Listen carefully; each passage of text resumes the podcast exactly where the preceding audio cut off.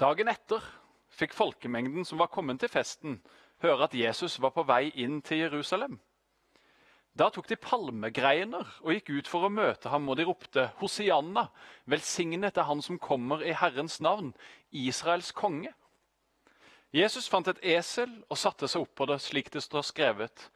Vær ikke redd, datter Sion, se din konge kommer, ridende på en eselfole. Dette skjønte ikke disiplene med det samme, men da Jesus var blitt herliggjort, husket de at dette sto skrevet om han, og at folket hadde hilst ham slik. Alle de som hadde vært til stede da han kalte Lasarus ut av graven og vekket ham opp fra de døde, vitnet om det. Det var også derfor folk dro ut for å møte ham, fordi de fikk høre at han hadde gjort dette tegnet. Fariseerne sa da til hverandre, der ser dere at ingenting nytter. All verden løper etter ham. I dag er det palmesøndag. Og dette er sånn uh, Disippelen Johannes, en av Jesu næreste venner, beskriver det som skjedde denne dagen for nærmere 2000 år siden. Dagen har fått sitt navn etter at folk tok opp palmegreiner som de vifta med, uh, og hylla Jesus når han kom ridende mot Jerusalem på eselet. At folk brukte palmegreiner og vifta med, var ikke så uvanlig når de tok imot en konge eller en seierherre.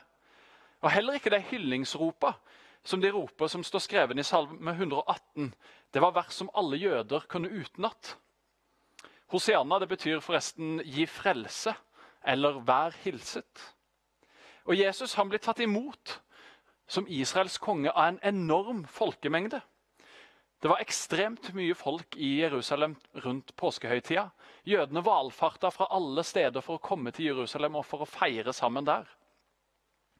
Og Det må ha vært en intens stemning og, en, eh, og voldsomme tilstander i Jerusalem. Og Jødene de var undertrykt av romerne på denne tida, og de lengta etter å bli frigjort. Og Messias, frelserkongen som de venta på, og som jødene fremdeles venter på, han skulle sette de fri. Og Her tar de Jesus imot som Messias, som frelserkongen. Og Jesus han er og han var Messias, frelserkongen. Men hans rike det er ikke av denne verden. Og han er ikke kommet for å fri jødene fra romerne, men for å frelse alle mennesker fra deres synder. Hans rike det består av fred og kjærlighet. Og Derfor kom han ikke som en krigerkonge ridende på en hvit hest, men han kom på et esel. Og Dette var profetert i profeten Zakaria i kapittel 9 og vers 9. Og det er gjengitt i vers 15 i vår tekst fra Johannes evangeliet. Eselet det var heller ikke så uvanlig at konger eller andre høytstående rei på. Men i motsetning til den hvite hesten som ble brukt når de skulle ut i krig, så var eselet det dyret de brukte når de kom i fred. Og Jesus, han er fredsfyrsten. Antagelig var stemningen så voldsom og så intens, og folk ble så oppgira at ingen tenkte på at det var fredsdyret, eselet, som kongen kom ridende på. Og Det er interessant å se for seg og tenke på at denne folkemengden som her tar imot Jesus som Messias, som de roper Hosianna og veiver med palmegreiner for, den samme folkemengden skal om fire dager igjen skape elektrisk stemning og rope i Jerusalems gater. Stemningen da er langt mer fiendtlig, og ropa som gjaller er ikke lenger Hosianna, men korsfest. Jesus blir ikke lenger hylla, men han blir hånt og han blir drept som en slave og en kjeltring. Han blir korsfesta. Veldig mye av det som skjer i Jesu liv, det er profetert, det er fortalt om tidligere i Det gamle testamentet. Og hendelsene i påskeuka de sammenfaller med tidligere hendelser. Og Det gjør at Jesus han oppfyller det som har vært fra tidligere. Jesus var jo jøde, og jødene feira den gang, som de gjør nå, påske til minne om da israelsfolket ble fridd ut av slaveriet i Egypt. Israelsfolket var slaver i 400 år i Egypt. Og Etter mye om og men og mye fram og tilbake så blir det til slutt at Gud befrir dem fra dette slaveriet. Og Det gjør han på den måten at alle førstefødte i Egypt dør. Med unntak av de som har blod strøken på dørstolpene sine. Og de som har blod strøket på dørstolpene sine, det er israelsfolket.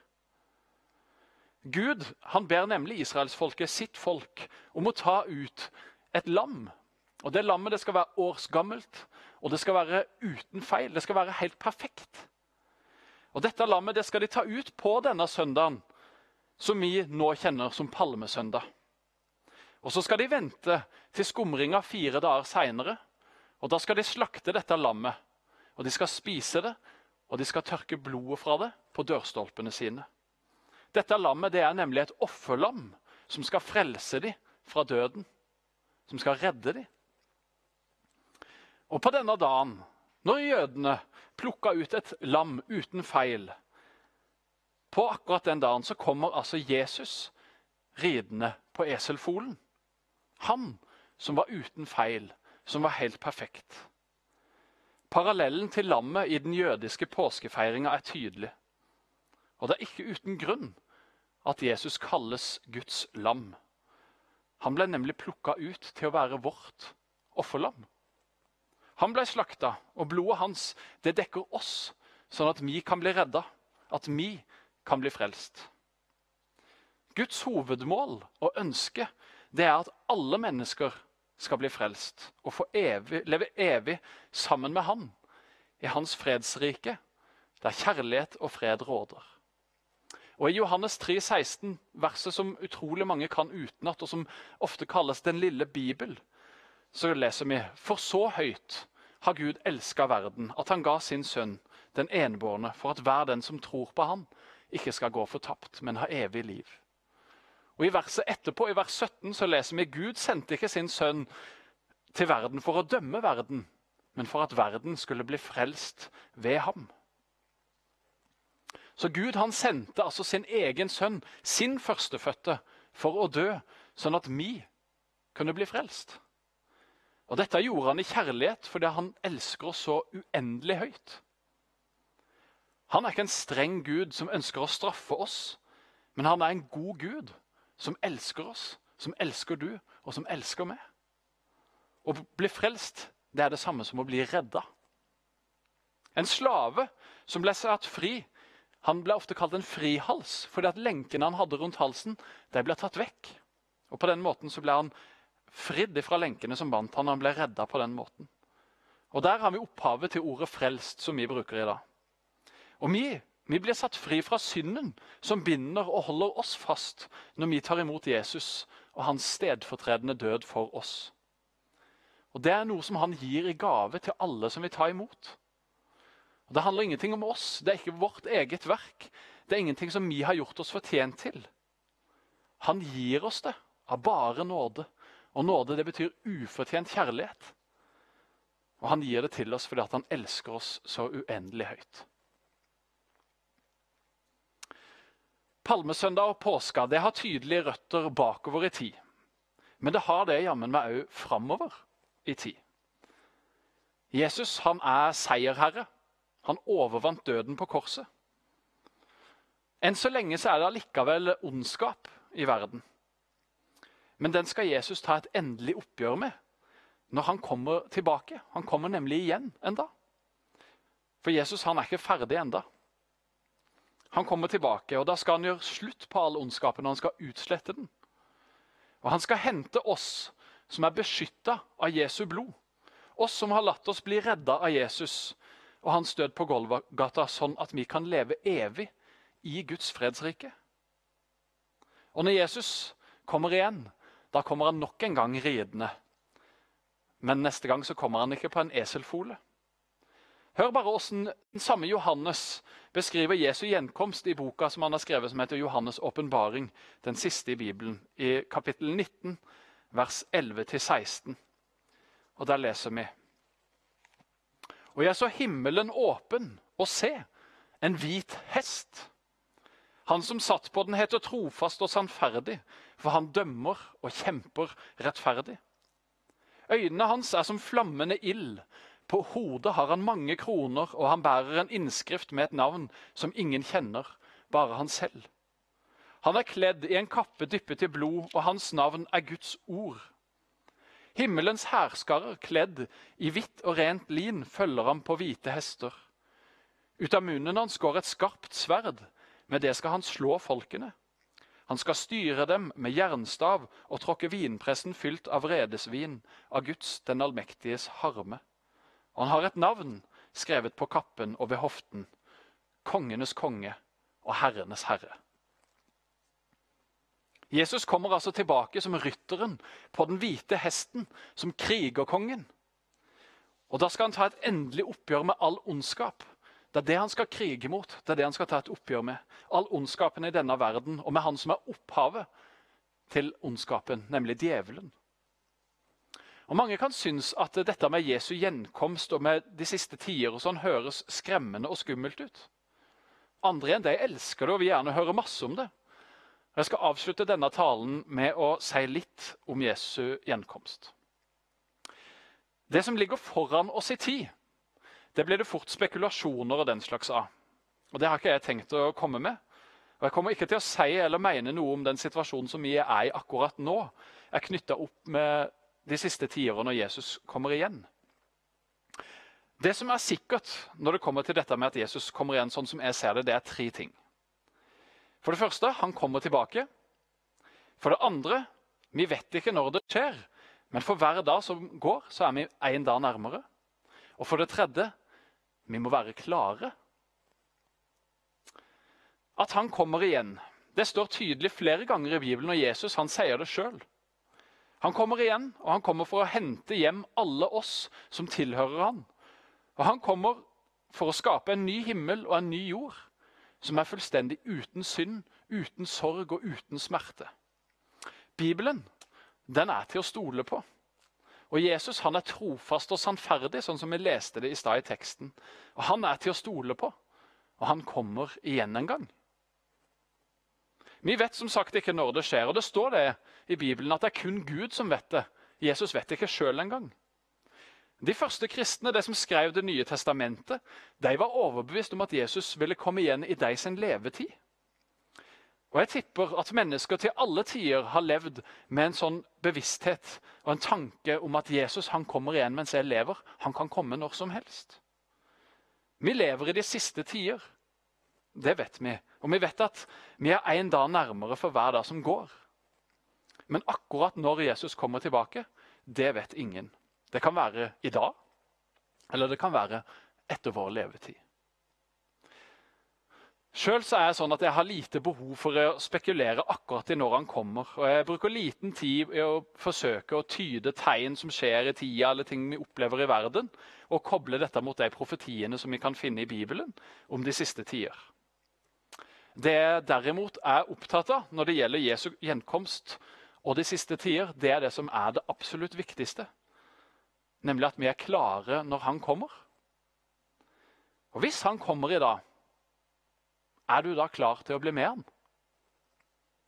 Har du tatt imot invitasjonen til å bli med ham inn i hans evige fredsrike?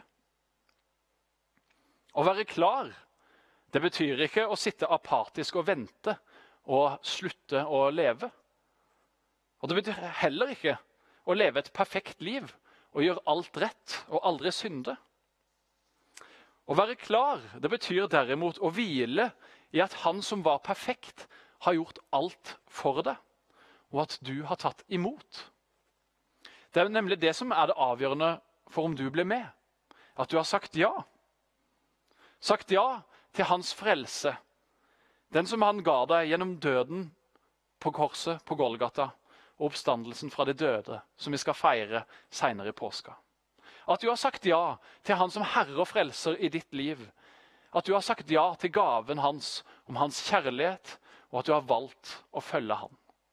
Da er du klar. Og det evige livet det begynner ikke den dagen du dør, eller den dagen Jesus kommer igjen. Det evige livet det begynner den dagen du tar imot Jesus som din frelser og herre. Han som er kongenes konge og herrenes herre. Han som er det perfekte offerlammet som Gud sendte i ditt og mitt sted. Han som valgte å dø sånn at vi kunne gå fri. Du kan få leve i hans kjærlighet og som en del av hans rike allerede her og nå. Guds rike fylt av kjærlighet og fred, det er enda ikke fullstendig. Det blir det først når Jesus kommer igjen, som rytteren på den hvite hesten. Men vi kan allerede nå få oppleve dråper av det, som Knut sa i talen forrige søndag. Oversvømmelsen den kommer først når Jesus kommer igjen. Men pga. Jesu verk i påska, at han valgte å komme ridende som fredsfyrsten på eselfolen for snart 2000 år siden, så kan vi allerede nå få oppleve dråper av hans fred, av hans kjærlighet, av hans kraft, trøst, veiledning osv. Alt vi må gjøre, det er å ta imot hans gave om frelse og ønske å leve livet vårt sammen med han. Tett på Jesus det har vi kalt den taleserien som vi har hatt de siste ukene. Og Det er en del av vår menighets visjon. Og vi tror at den beste måten å leve livet vårt på, det er nettopp tett på Jesus. Han som er begynnelsen og slutten, som er den samme i går og i dag, ja, til evig tid. Som er offerlammet som ble slakta for, for deg og meg, og som er seierherren og rytteren på den hvite hesten, som en dag kommer igjen for å gjøre slutt på all ondskap og felle en endelig og rettferdig dom over denne verden. Han kaller på oss. Han lengter etter du og meg. Og han har så mye godt i vente for oss, ikke bare når dette livet er over, men allerede her og nå. Jesus er i går og i dag den samme.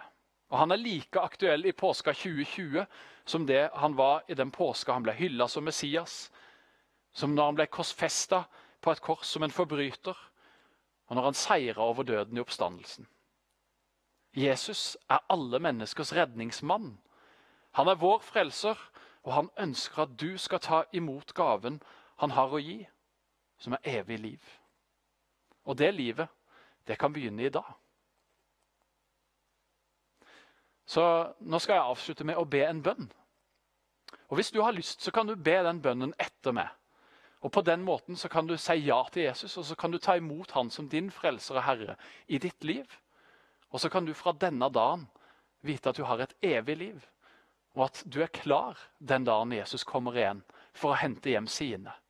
Du kan ta imot Jesus i denne påska og la det blodet som han lot renne for deg på korset, bli strøket om ikke over dine dørstolper, så over ditt hjerte.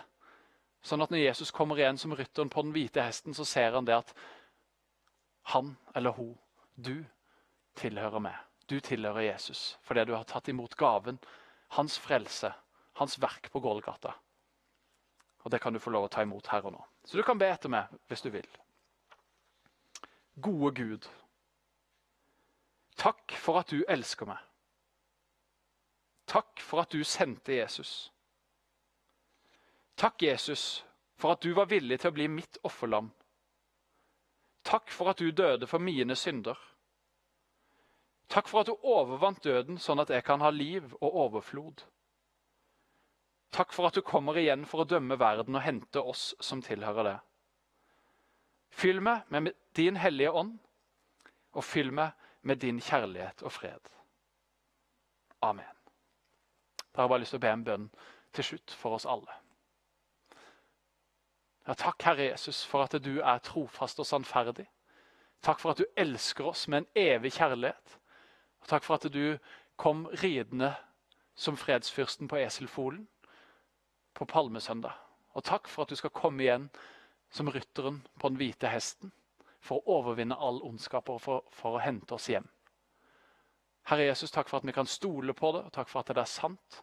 Og Jeg ber om at du skal komme og overbevise oss om det, at du skal fylle oss med håp, at du skal fylle oss med fred og at du skal fylle oss med glede. At vi virkelig skal få lov å kjenne og oppleve at vi kan gå tett sammen med i denne påska. Og være tett på deg i det som du gjorde for oss. Det verket som du valgte å gjøre for vår skyld. Takk, Jesus. Amen.